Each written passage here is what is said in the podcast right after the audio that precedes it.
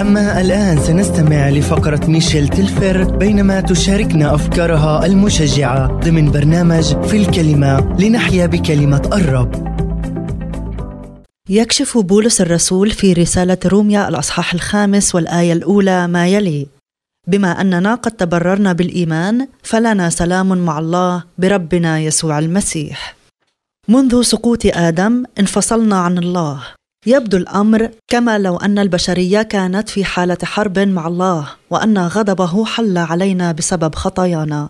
وعلى الرغم من أنني لم أدرك ذلك في ذلك الوقت إلا أن الروح القدس بدأ يوجهني إلى كلمة الله قبل أن أسلم حياتي للمسيح. ومع ذلك في كل مرة فتحت فيها صفحات الكتاب المقدس. شعرت أن غضب ودينونة الله ينصبان علي. الحق يقال لقد كان غضب الله علي لأنني لم أطلب منه أن يغفر خطيتي.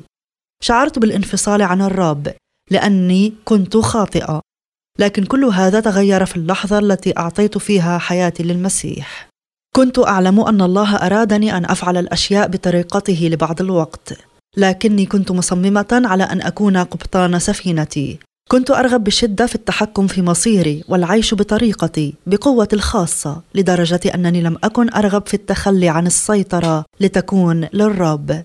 لكن في إحدى الليالي أدركت أنني مع مسؤوليتي قد أوقعت نفسي في المشاكل. كنت أركض وكانت حياتي تتفكك أمام عيني. كنت أعلم أنني لا أستطيع المضي في الطريق التي كنت عليه. وهكذا صليت في تلك الليلة وأنا مستلقية في الظلام. واعترفت بالفوضى التي سببتها وطلبت من الله أن يغفر لي.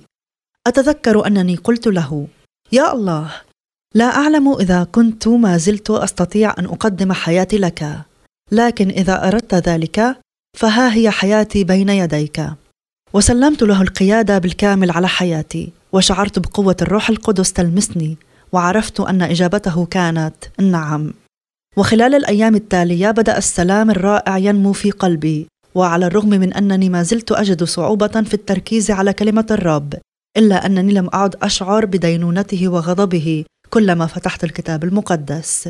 لقد بدأ إدراكي ينمو للآية التي وردت في رسالة روميا الأصحاح الخامس أنه بالإيمان أصبح لدي الآن سلام مع الله بسبب يسوع.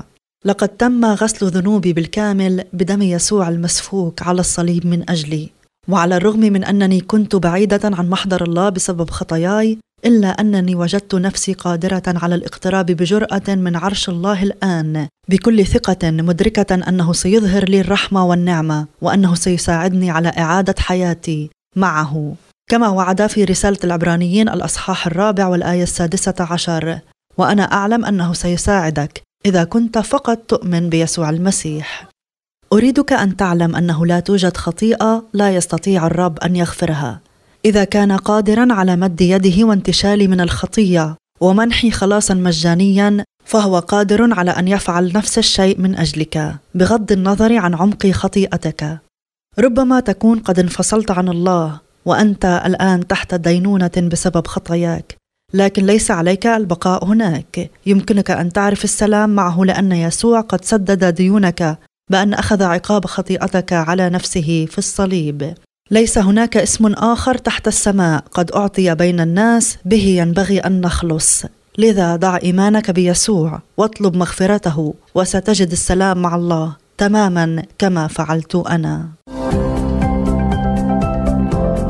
نشجعكم على الاستماع إلينا في المرة القادمة والتي فيها تتحدث إلينا ميشيل تلفر لتشجعنا من خلال الروح القدس لنعيش بحسب الكلمة وفي الكلمة.